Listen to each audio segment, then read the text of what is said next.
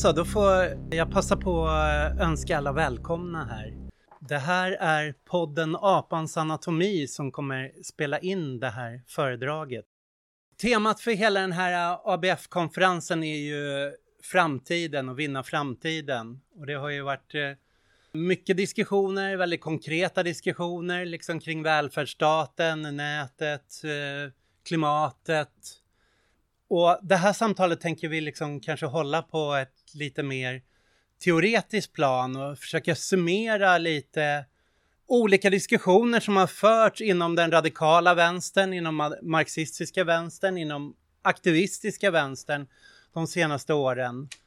Och då finns det en eh, författare, en eh, teoretiker som heter Nick Dyer Widford som har skrivit en eh, text om just det här som han beskriver som biokommunism. Vi ska förklara lite vad som menas med det, men jag tänkte jag skickade ut det till en liten panel här som en bra utgångspunkt och ni behöver inte ha läst den texten utan det var mer bara för att liksom få loss diskussionen. Och jag ska presentera panelen då, liksom, eller samtal, mina samtalspartner här till en början. Och då har vi Shabane Barå Ja, jag heter Shabane. Jag eh, jobbar som läkare och eh, sysslar med marxistisk teori och andra grejer på fritiden. Och så har vi Karim Jebari. Eh, Jag heter Karim Jebari och jag är doktor i filosofi och forskare på Institutet för framtidsstudier som ligger här ett kvarter eh, nerför gatan. Och eh, jag håller just nu på att skriva en bok om klimatkrisen eh, och mänsklighetens framtid. Och jag är intresserad av teknologi och eh, ja, stora framtidsfrågor. Och man kan säga att jag är lite av en novis inom marxism trots att jag har ett ursprung i Ung Vänster. Och så har vi Jesper Nilsson. Hej allihopa, jag heter Jesper, är från Stockholm.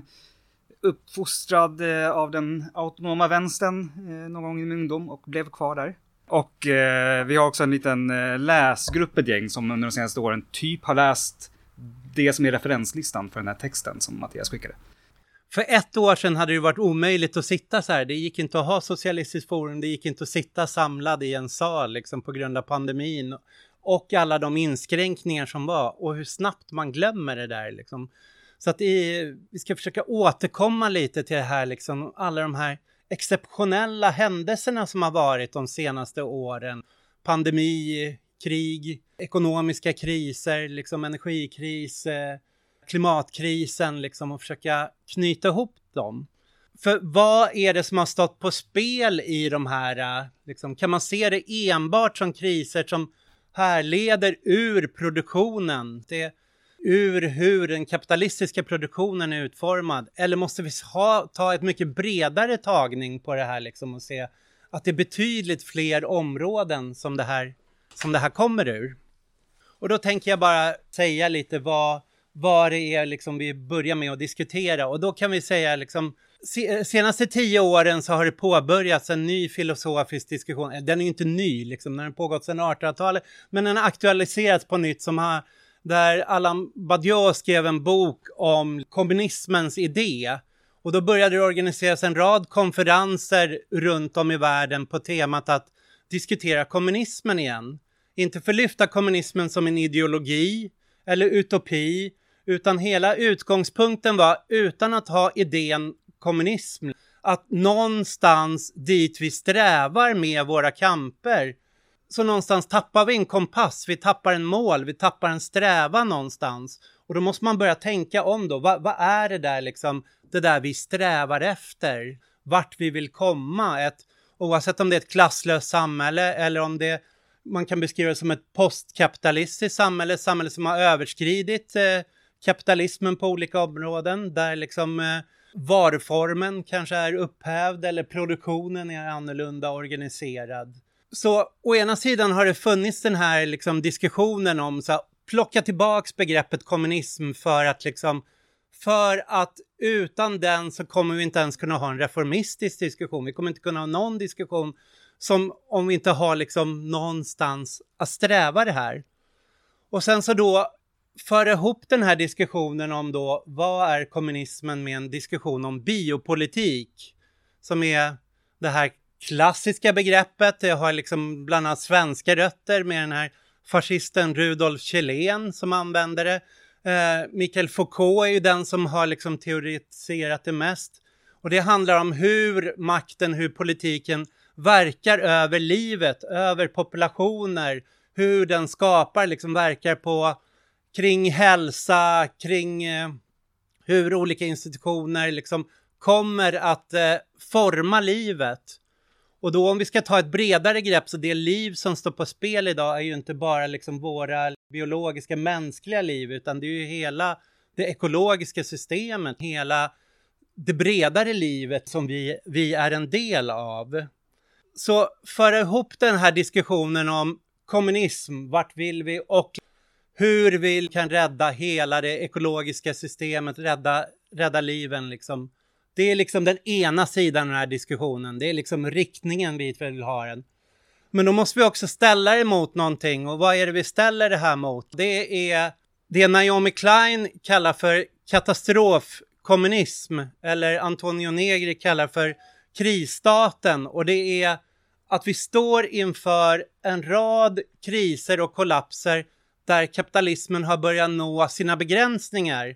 Där eh, olika former av planetära gränser eller när det gäller ekonomiska gränser eller när det gäller global marknad där saker börjar liksom spricka, falla sönder. Det börjar bli så fullt av interna motsättningar att eh, systemet på många sätt blir instabilt. Då kan vi prata om om det är en poäng om det är instabilt.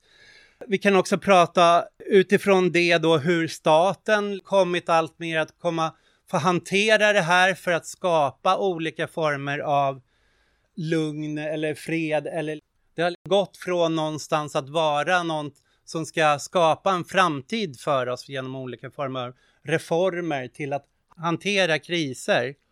Och i sin extremaste folk så kan vi då ställa mot biopolitiken har vi nekropolitiken där det handlar inte om hur vi skapar liv utan vilka som inte ska inkluderas i detta liv. Vilka tillåts dö vid dessa systems gränser? Vilka tillåts dö under eh, pandemin eller vilka tillåts eh, liksom vara inte sörjbara i eh, krigssituationer eller som eh, kvinnoliv som utsätts för osäkra aborter eller eh, personer som utsätts för polisvåld för sin hudfärg. Där en rad av de sociala kamper som har exploderat de senaste åren har hamnat just om det där. Vilka är sörjbara? Vilka är inte sörjbara? Vilka kan tillåtas leva? Och vi kan inte förklara det bara längre med biopolitik, att det är hur man verkar på populationer för att skapa former av liv, utan idag står vi också inför externaliseringar, gränsdragningar, utestängningar som orsakar stora former av, av död, av exterminism, av liksom människor som, och ekosystem som går under. Så det är det här två bortre fälten som vi försöker hitta en diskussion kring. Vi kan börja där. Står vi inför en multidimensionell kris? Vad tänker ni kring det här? Nick Dyer Widford lyfter fram om det här med krisernas betydelse just nu. Karin, vill du börja? Jag tycker det är ett väldigt intressant begrepp som Nick Dyer eh, Witherford tar från eh, en annan väldigt intressant person som heter Adam Tooze. Och det är det här begreppet polycrisis och det är idén att du har många olika kriser som samverkar på olika sätt och kan göra varandra värre.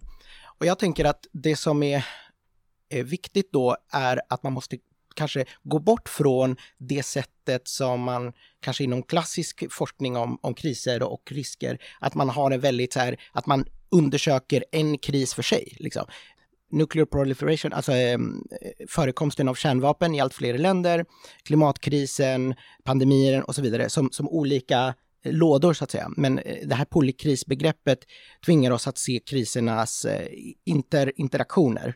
Och min slutsats, eller, det, den, eller den hypotes i alla fall som jag jobbar med, det är att det bästa sättet att adressera de här kriserna är att identifiera det jag kallar för en, en, en generell stressor.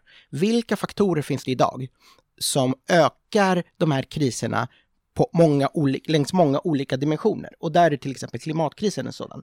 Klimatkrisen kan liksom både leda till, till ofrivillig migration, till arbetslöshet och ekonomisk stagnation, till eh, interna konflikter, försvagade institutioner etc. Eh, så att genom att klimatkrisen interagerar med många av de här punkterna i polykrisen så blir det, bör det vara vårt liksom, huvudsakliga fokus.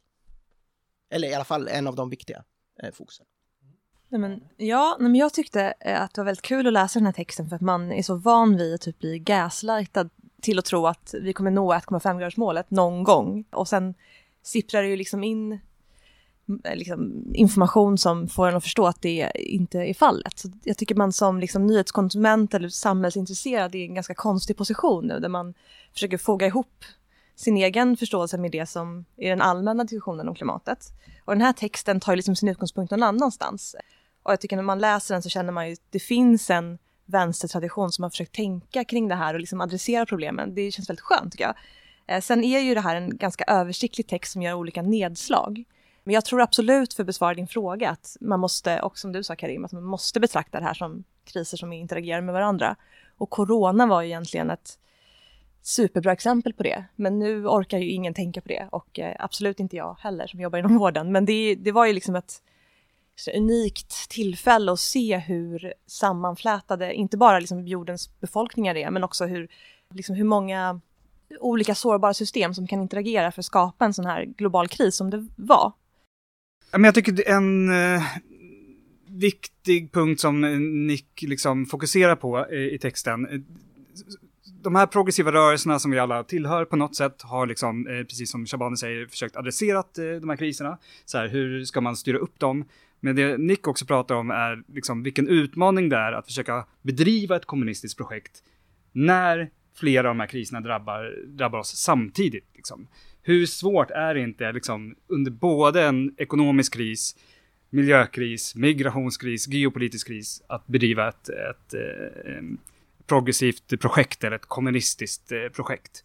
Och eh, i texten så tar han ju upp sex punkter. Texten är lite mer att han, han, han säger att det inte är en strategisk text. Det handlar inte om strategi, det handlar om styrning eller governance. Alltså vilka platser måste vi utöva eh, vår politiska kraft på mer än vad vi ska göra på varje punkt. Liksom. Och där i texten så listar han ju upp sex områden där han tycker vi, vi måste finnas på alla de här områdena och bedriva en progressiv eh, politik för att kunna ens nå framåt när pressen från de här kriserna kommer samtidigt. Liksom. Mm, och vi kan komma till dem sen. Så Karim? Alltså jag, jag, tycker det var lite lustigt att du sa att, att du känner att, eller okej, okay, jag tolkade det som att du sa att, att här är någon person som på något sätt inte är så optimistisk. Eller mer realistisk? Nej, nej jag tycker ja. han är ganska optimistisk. Okay, men, ja. ja. men inte, förnekar inte att vi är i en kris. Alltså, det är väl det som är den allmänna situationen. Att man hela tiden säger att vi kommer nå de här målen någon gång och liksom, det, allting går ganska dåligt. Men klimatet är ju så undanträngt ändå från eh, den allmänna krisdiskussionen, tycker jag. Liksom. Mm. Ja. Ja, men då, då förstår jag. Mm. Jag håller med dig om att jag tycker att han är väldigt, väldigt optimistisk mm. och på, på vissa sätt kanske farligt optimistisk. Jag tänker framförallt om, om vi ska gå in på en av de här punkterna, han pratar ju om expropriering. Jag har väldigt svårt att se att expropriering kommer vara möjligt utan ett krig. Liksom. Eh, det, det, ja. Eller vi kanske kan komma tillbaka ja, till vi kan komma tillbaka till dem. För när han pratar om en eh, multidimensionell kris och att vi står för flera sammanfallande, då är det ju dels en biologisk, ekologisk kris där han liksom tar upp eh, inte bara klimatet utan bredare också de här sju planetära gränserna, hur en rad miljökatastrofer och där även pandemin går in. Vad som händer när vi skövlar regnskog och börjar få in de sjukdomar, tränger längre och in i olika delar, ska vi säga, liksom av ekosystemet som gör att det överförs sjukdomar från, från djurarter till, till oss. Och så pratar han om ekonomiska och då är det liksom allt från stagnation, eh, finansiella instabiliteten till eh, ökade ojämlikheten som är sådana kriser.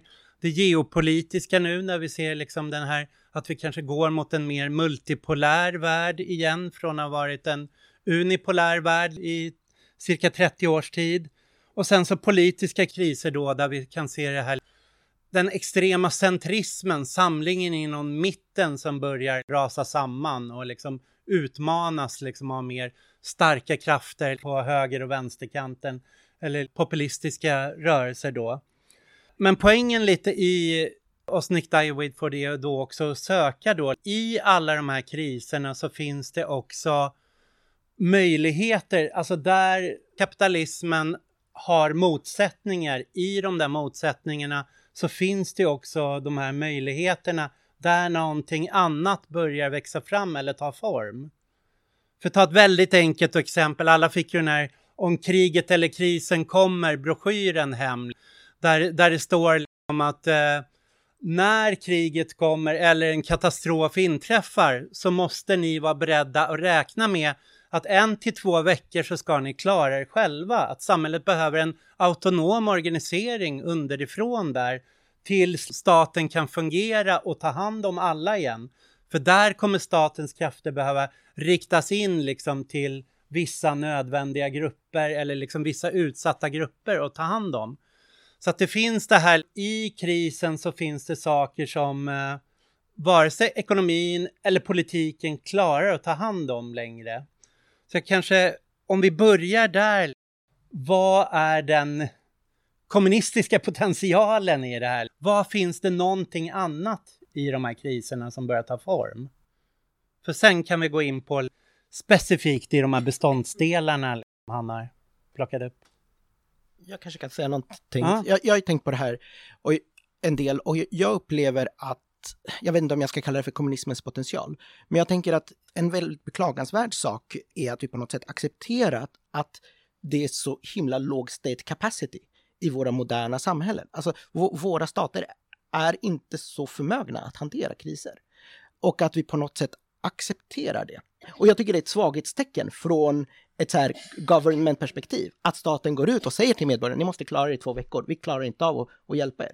Alltså det, det är på något sätt en, en, en oroväckande reträtt. Så, och jag vet inte om det här kan kallas för en kommunistisk idé, men, men jag tycker att det, här, att det här är oacceptabelt. Ambitionen bör ju vara att staten ska kunna finnas där för människor, oavsett om det handlar om skogsbränder, pandemier eller krig. Liksom. Och eh, kanske inte liksom från första fem minuterna när det börjar gå åt helvete. Men, men att lämna folk i två veckor är väldigt... Jag tycker det är ganska anmärkningsvärt. Men jag tycker väl alltså kommunismens potential i den här situationen är väl att dels att liksom ha försprånget att ha analyserat och ägnat sig åt kapitalismen teoretiskt och praktiskt. Och sen att liksom i det han skriver, det handlar mycket om att man måste liksom vänstern eller den kommunistiska rörelsen måste se att vi kan inte vi kan inte drömma om en värld av materiellt överflöd som man kanske har gjort liksom tidigare även inom arbetar vänsterrörelserna.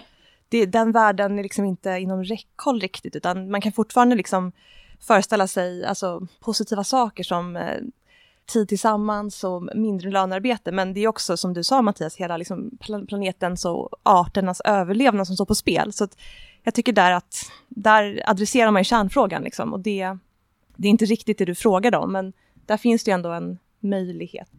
Ja, jag är nog inte lika positiv som Nick är. Men, alltså de här möjligheterna finns teoretiskt såklart i själva missnöjet med att, eh, med när, sak, när saker som finns idag in, inte levererar det som man har blivit lovad. Liksom. Det allmänna missnöjet med att eh, välfärden försämras och inte lever upp till sin standard och att det inte finns arbeten när folk, eh, när samhället ställer om och så vidare. Men eh, att det skulle finnas en levande potential just nu liksom i att det här missnöjet faktiskt går över till en kommunistisk potential. Det, jag ser inte det riktigt. Men jag håller med om att i varje sån kris så finns det liksom möjligheten att styra om missnöjet till någonting annat. Men man kan ju se liksom i den breda klimatrörelsen hur liksom mer och mer så lyfts frågan om att om vi ska lösa de här grejerna så kanske vi måste gå åt antikapitalistiskt håll, liksom, tillväxtkritik men även till viss del expropriering bara för att kunna förstöra fossilkapital. Ja, någonstans är det som att vi så snabbt glömmer de brister som varje kris vi går igenom när ekonomiska systemet, hela bankväsendet var på väg att kollapsa liksom 2008, liksom, hur enorma resurser som krävdes för att rädda det. Och samma under pandemin, de enorma satsningar som behövdes, liksom, det undantagstillstånd som behövde skapas och liksom skjutas till. Vid alla de här exemplen så sätts hela marknadsprinciperna sätts åt sidan. Liksom. Det här globala frihandelssystemet vi har har någonstans inte kunnat leverera, har kollapsat under det här. Samma, samma sak liksom med Ukraina-kriget. Så vi står inför en rad sådana där vi å ena sidan tänker att eh, det här samhället, det här ekonomiska systemet vi har ska bara kunna fortsätta gå. Men så ser vi någonstans att det är, det är som en bil som hela tiden går sönder och pajar och liksom stannar och måste lappas ihop med saker som eh, med gemensamma resurser eller liksom att alla måste vara med och betala på olika sätt. Med det kräver olika former av planering eller insatser, frivilliginsatser underifrån, statliga insatser ovanifrån. Och där försöker Nick Dye få det han är intresserad av. Vi glömmer det här för snabbt. Vi behöver kanske plocka fram alla de här grejerna och titta på vad var det som skedde här? Hur behöver vi stärka de här tendenserna? Och liksom i det här så finns faktiskt möjligheten att, att bygga ett mer planerat eller hållbart samhälle. Alltså jag, jag tänker två tankar. Jag tänker dels att den här svaga staten, svag, som vi ser i västvärlden, det är delvis ett ideologiskt val. För staten är ju fortfarande de facto ett oerhört mäktigt djur. Men det är som att det finns en, eh, från i den här nyliberala eran så har det liksom bland beslutsfattare, politiker, tjänstemän men också allmänheten, det, den här idén om att staten är impotent har skapat så att säga impotensen. Och jag tror att det var det som man märkte inom pandemin, i alla fall till en början, att man så här, avvaktade från att göra massa saker. Och sen insåg man så här, oj, vi kan faktiskt göra massa saker. Alltså, typ, jag tänker på eh, Operation War Speed, det kanske enda vettiga som Donald Trump gjorde, kanske i sitt liv, eh, var att liksom mobilisera statliga resurser på en liksom oerhörd skala för att få vaccin så fort som möjligt. Så, så jag tycker det är en, eh, ja, det, det, det, visar på ett exempel. Den andra grejen som jag är lite förvånad är att oh, varför Nick inte diskuterar Kina. För, eh, och, och jag menar, jag gillar Kina, de är en eh, auktoritär polisstat eh, som jag tycker är väldigt dålig på många sätt, men de har precis gjort det här. Så den kinesiska organiseringen och mobiliseringen kring pandemin har delvis varit en väldigt, väldigt stark mobilisering uppifrån. Liksom en, järn, en järnnäve av statlig makt som perkolerat ner genom samhällets alla lager. Men det har också varit beroende av en organisering underifrån, där du haft de här eh, Citizens Committees, eller vad de nu kallas, eh, som är någon slags grannskapsföreningar, som är typ organiserade ovanifrån i, i bemärkelsen att de är statligt sanktionerade, men väldigt mycket självorganiserade. Och de här har gjort otroligt mycket grejer på lokal nivå, bland annat med att typ köpa mat åt gamla, genom att distribuera tester, distribuera masker och så vidare. Jag tycker det är intressant att så här, ja, att man inte alls belyser den erfarenheten. Ja, inte i relation till Kina, men det var en sån grej jag nämnde för er innan. Men jag har precis läst en bok om Albanien som heter Free. Jag vet inte om någon har läst den, den är ganska uppmärksammad. Men det är en en, hon är ju professor tror jag i politisk teori i Storbritannien, en kvinna som heter Lea Ypi som kommer från Albanien och har skrivit en hon skulle skriva en bok om, eh, Alba, alltså om Albaniens politiska historia tror jag, men det blev liksom som en självbiografi om hennes barndom. Men hon tecknar ju hela den här övergångsperioden från hodjaism till kapitalism. Och där, eh, det, hon är ju jättekritisk alltså mot kommunismen i Albanien, så det är absolut inget skönmåleri sådär. Men hon skriver också där att um, när hon flyttar till Italien och träffar västerländska kommunister, typ och vänsterfolk, att de är väldigt så här, det där är Albanien, det har inget med kommunism att göra, det var bara ett misstag liksom. Och att hon då funderar kring det där och att eh, upplever liksom att hela den erfarenheten bara avfärdas, även om hon själv är kritisk mot den. Men jag tänkte på det när jag, när jag läste den här texten, för hans, eh, Nick, Nick DV skriver om eh, ransonering till exempel som, en, som ett verktyg eh, att man kan ransonera flygresor eller ransonera andra liksom, energiintensiva aktiviteter. Och det, det gjorde man ju liksom, till exempel i Albanien och det fungerade inte så bra. Men det finns ju ändå sådana konkreta erfarenheter som är gjorda i det förflutna i olika socialistiska länder som man faktiskt skulle kunna titta på i alla fall. Och jag, jag tror att det är ett jätteviktigt verktyg, alltså ransonering. Ja, men han pratar ju också om svårigheterna med det, att det riskerar att bli liksom ett auktoritärt system och det ska man inte vad heter det, sticka under stol med. Men jag tycker ändå att det är så här skönt att någon tar upp den frågan för att jag tror att det ja, är en nödvändighet. Jag tycker att han är rätt duktig på också att belysa det, något som man glömmer är att vi har ju ett ransoneringssystem idag. Det är bara att det sker på prismekanismnivå liksom. Och det är ju också ett väldigt totalitärt system som är väldigt orättvist. Så att han föreslår ju ett mer rättvist eh, eh, ransoneringssystem. Mm. Jag tycker det finns en intressant eh, vad ska jag säga, spänning i den här texten. På ena sidan så är han liksom frihetlig och, eh, eller försöker signalera det i alla fall, eh, genom att säga att ja, det måste komma underifrån och, och så vidare. Samtidigt, många av de förslagen han föreslår kräver otroligt mycket state capacity så att det inte ska eh, spåra ut. Men när, i, när man har ransonering, då eh, det, det kan gå dåligt av andra skäl. Men om du har dålig state capacity när det kommer till ransonering, då går det åt helvete. Då får du massa korruption som till exempel i Indien och andra sådana länder. Som, så, så att det är som en intressant spänning här att han säger så här, ja vi ska typ kontra den svaga staten med en starkare civilsamhälle. Samtidigt så är det så här, de sakerna han föreslår förutsätter en superstark stat.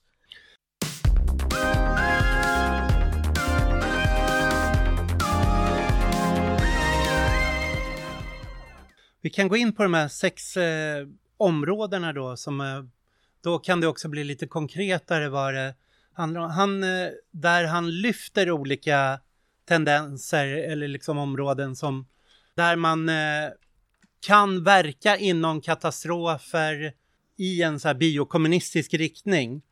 Och det första, första området, det handlar om eh, nya system för katastrofhjälp, hur vi behöver skapa sådana nya olika system. Att där de försök som har gjorts, där finns det potentialer både i de frivilliga organiseringarna och de statliga organiseringarna underifrån som kräver politiska insatser så att säga.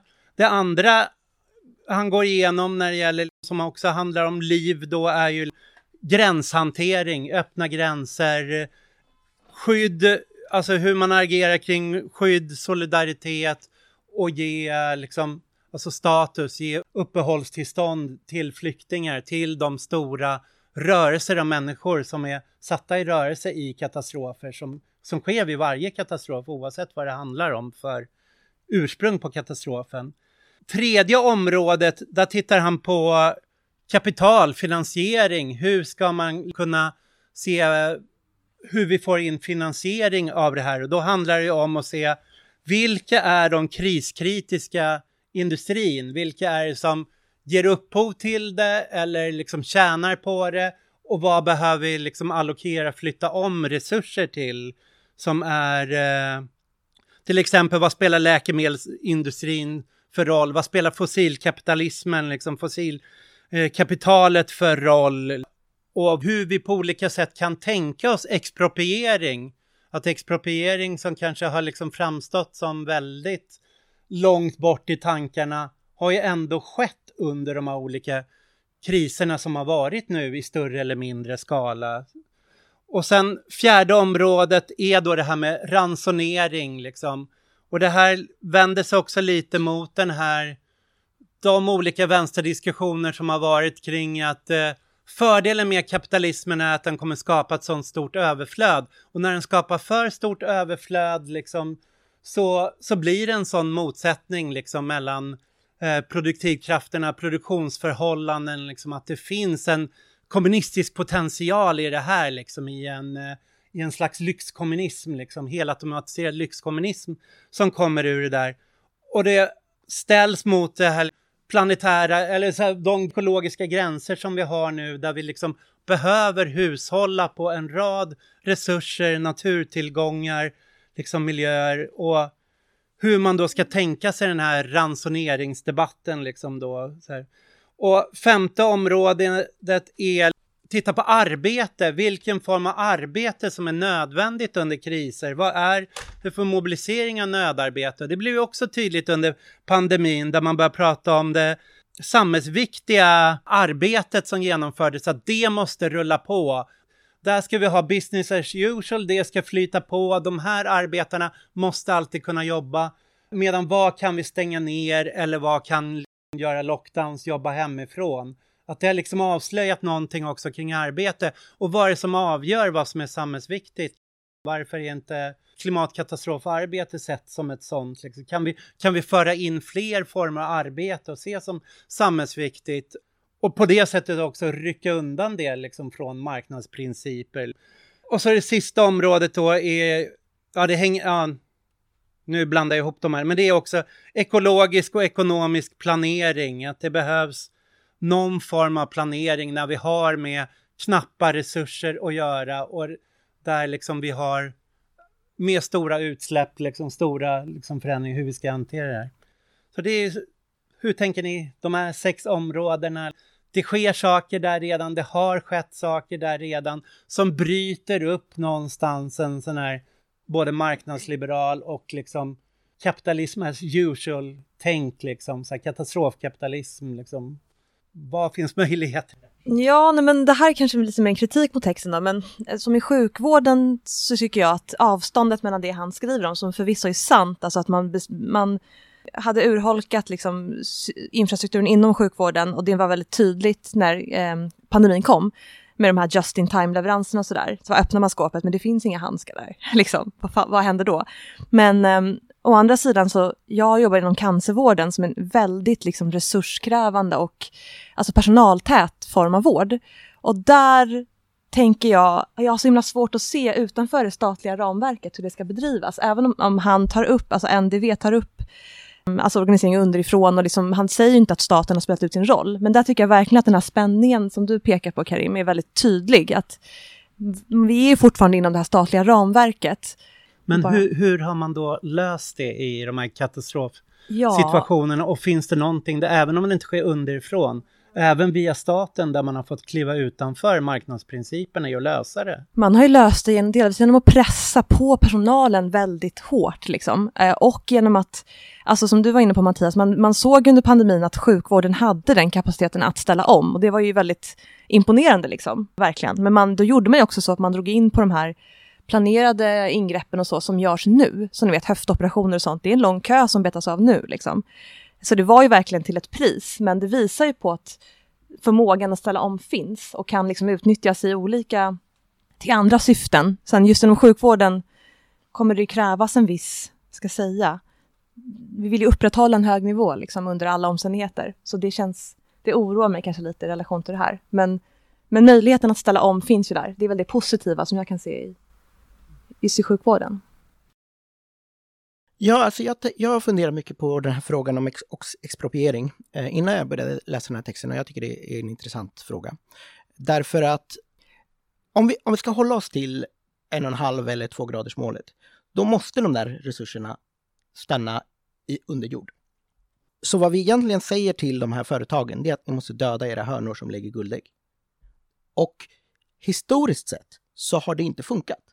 Så det här är ett exempel som Piketty tar upp i sin bok, att Storbritannien och Frankrike, de kunde ju avskaffa slaveriet därför att man betalade till slavägarna för varje slav. Och det var ganska stora summor. Om jag inte minns fel så var det fem, eh, Storbritannien lånade 15 procent av BNP som de gav till slavägarna för att de skulle sätta slavarna fria. Och Storbritannien hade på den här tiden väldigt regressiva skatter. Man hade poll taxes och tariffer. Så att man liksom satte liksom den, den finansiella skulden på arbetare och i, i många fall på de frigivna slavarna. Att betala den här skatten för att betala av till de här oerhört rika landägarna. Och Frankrike gjorde likadant. Det, liksom, den stora västerländska ekonomin som inte betalade landägare, det var ju USA. Och det var för att de hade ett krig. Och eh, det var inte för att USA inte ville göra det, men landägarna vägrade ens att bli betalda för det, för det var så viktigt för deras identitet. Sen var också slaveriet en mycket större andel av USAs ekonomi. Så med det e-, exemplet och, och, och de, liksom, den erfarenheten så kan man fråga sig, vad ska vi göra? Ska vi betala Saudiarabien X procent av världens BNP? Ska vi betala aktieägarna till BP, Exxon Mobil och så vidare X procent av vår BNP för att de ska låta resurserna? Det är liksom moraliskt motbjudande. Jag, jag blir bara så här, det känns bara äckligt i munnen när jag formulerar den här frågan. Men jag tror inte alternativet, jag har svårt att se att alternativet inte är krig. Som de kommer att starta, därför att det, det är ju deras existens som står på spel. Och, och framförallt när det kommer till de här petrostaterna. Men om man är realist i, i eh, internationella relationer bemärkelse så är man committad till antagandet att stater gör vad som helst för att skydda sin nationella säkerhet. Och för de här petrostaterna, eh, liksom eh, ett tjog av dem, så är olja en väsentlig del av deras nationella säkerhet. Tror vi verkligen att de kommer släppa ifrån sig oljan utan att slåss? Jag, jag har väldigt, väldigt svårt att se det. Så, så det, här, det här tror jag är det stora dilemmat som liksom exproprieringsstycket bara skrapar ytan på och, och liksom inte utforskar så här, vad händer när, vi, när exproprieringsfrågan på allvar kommer upp på agendan? Vad glada alla blev nu. Men... Nej, men jag håller med dig, men, han, men har vi ens bett dem att sluta använda sina hönor som värper guldägg? Alltså ingen har väl tagit ett sånt steg? Vilket är ju... Dem som är så här, hej kan Nej men du sa sluta?" det så här, det är som att be dem. Nej men menar, har det ens varit på någon agenda politiskt att, man, att de ska avvecklas? Att an, sluta använda rysk fossilgas, det är där. Vi har inte ens Ja. tagit det steget liksom. Alltså, Nej, nej, men. Mm, så, ja. Det är nödvändigt. Vi har en lite mer hoppfull läsning. Eh, Äntligen. Äntligen. Ja, men, eh, om jag, jag kanske gör en väldigt textnära läsning av här, men det är, det är ändå ett förslag från Nick till typ en bred eh, vänsterklimatrörelse på så här, det här är en karta över liksom zoner där vi måste verka för att kunna bedriva projektet. Och han har ju då läst liksom den senaste tio årens kanon av klimatlitteratur och, och vänsterskrifter. Och när jag har läst ungefär samma böcker så har jag, tillsammans med många andra tror jag, gjort det här eh, eh, felet att vi, vi har fokuserat på liksom, konfliktytorna mellan de här olika idéerna. Liksom. Var, liksom, går, finns det grön tillväxt, finns det inte grön tillväxt och så vidare. Eh, Medan han, det jag tycker verkar som han har gjort är att han har tagit typ Rickard Wallenius på orden och kollat på så här, ja men de nästkommande 40 åren. Vilka krav ställer ni på eh, politisk förändring under den tidsperioden? Liksom, för, att, för att kanske inte klara 1,5 målen, men i alla fall liksom dämpa katastrofen av det förändrade klimatet så mycket som möjligt i alla fall. Och då, eh, när han liksom, som att han har skrivit ut alla de här böckerna eh, på papper, lagt upp dem i en hög och eh, hållit upp dem mot solen och se liksom, var liknar de varandra? Så tycker jag att han får fram att det är de här sex punkterna. Där vi ändå, alla ställer krav. De ställer olika krav, det är liksom en gradskillnad på hur radikala kraven är, men det är, alltså expropriering finns där. Även i, hos Green New Deal-gänget så vill de liksom förstatliga järnvägar och liksom ta tillbaka sjukvården. Och det finns mm, förstärkt eh, finansiering av, av välfärden, finns där. Det finns liksom på varje punkt. Till, förutom en då, som saknas i, i vår rörelse just nu. Det kanske är tidens eh, vindar, men det är ju debordering. Mm. Öppna gränser. Det driver liksom inte ens de mest benhårda kommunisterna i Europa just nu, känns som. Ja, det, det har jag också tänkt på det att just av alla de här punkterna så är det ju gränsfrågan som någonstans känns svårast att driva idag av, av det han föreslår. Och sen så märker man ju till exempel, jag tänker på Sverigedemokraterna använder ju sin framgång i migrationspolitiken som mall för hur de ska angripa klimatpolitiken. Så här, att säga den här frågan får ju inte diskuteras. När vi får diskutera den så är det, det är inte vi som är problemet, det är någon annanstans. Vi borde egentligen betala hjälp på plats istället för här. Och liksom det, när ni försöker genomdriva den här politiken här så riktar det sig bara mot vanligt folk som kommer drabbas av det. Så att det, det är ett elitprojekt från ovan. Och det är ju hela migrationsdebatten. Den har de bara överfört och skohornat rakt in liksom på klimatdebatten i, idag. Liksom följer samma mall då så att säga. Och sen så är det ett område som man inte tar upp som har varit om alla de här. Det jag tycker han gör också är att han flyttar diskussionen från, från produktionen väldigt mycket. Och när det gäller miljörörelsen, klimatrörelsen så har man pratat om extraktion väldigt mycket. Liksom, var tar kol, olja upp, olika resurser hämtas upp liksom. Men han diskuterar det som brukar kallas sociala reproduktionen, hur samhället reproduceras liksom och vilka möjligheter det finns där i reproduktionen. För det är där biopolitiken verkar, det är där det handlar om hälsa, hur man fortsätter skapa liv och så. Men en av de största sociala reproduktionskamperna som har pågått de senaste åren, de nämner han inte och det är ju hela liksom mäns våld mot kvinnor, eh, aborträtten, liksom eh, ja, det som sker kring hbtq, trans nu liksom, som är också varit en massrörelse i hela Sydamerika, Latinamerika, Nordamerika, södra Europa, Polen liksom, som har varit, som också är, det släpptes för något år sedan just eh, från eh, från USA, Angela Davis och flera som skrev det här manifest för de 99 procenten som var ett feministiskt populistiskt manifest baserat på vi flyttar oss från produktionen till sociala reproduktionen och ser den som det som kan bygga breda allianser som kan skapa en ny majoritet. Det är ju också, ser jag, liksom, den formen av fe feminism är biokommunism liksom, som borde fösas ihop med det här. Jag, jag tycker det är skitviktigt att du säger det, därför att jag har sett med lite oro eh, hur en, en ny sorts eh, maltusianism eller vad vi ska kalla det för, eh, eh, liksom, eller ekofascism som, som håller på att formeras. Där man ser, där man liksom ser att problemet är människan och framförallt den mänskliga reproduktionen.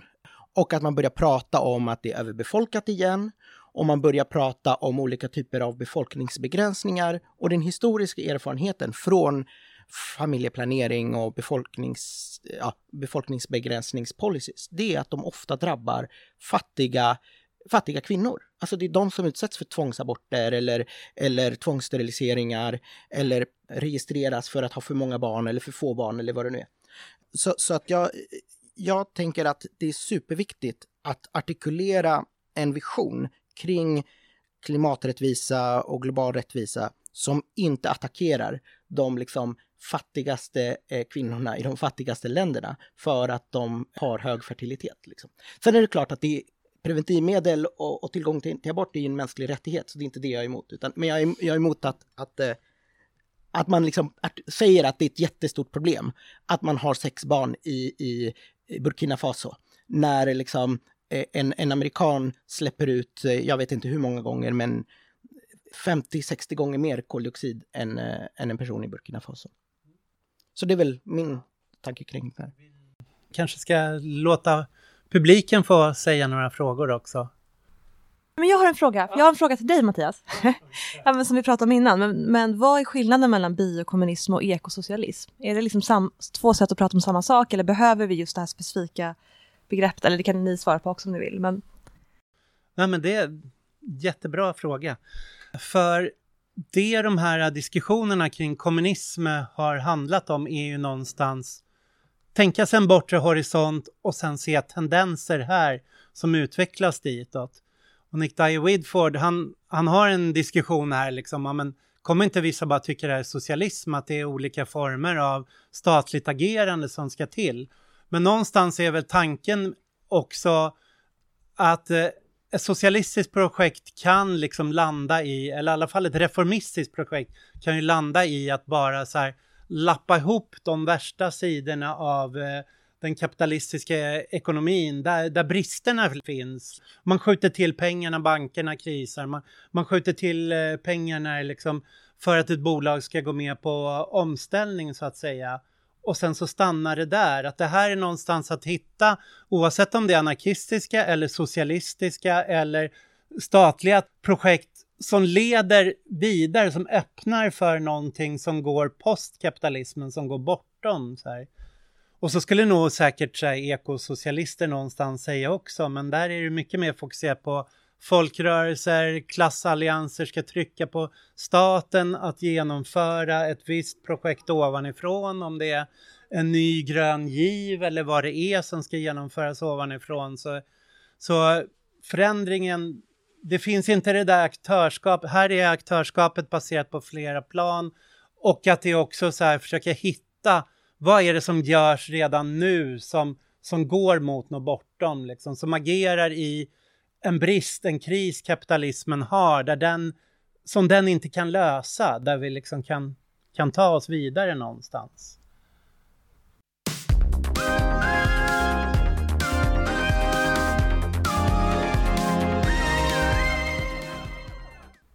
Alltså jag funderade på det här som ni pratade om, om expropriering versus till exempel Saudiarabien. Eller så. För jag håller ju med dig om att vi har ju ännu inte ens försökt att typ sluta använda olja.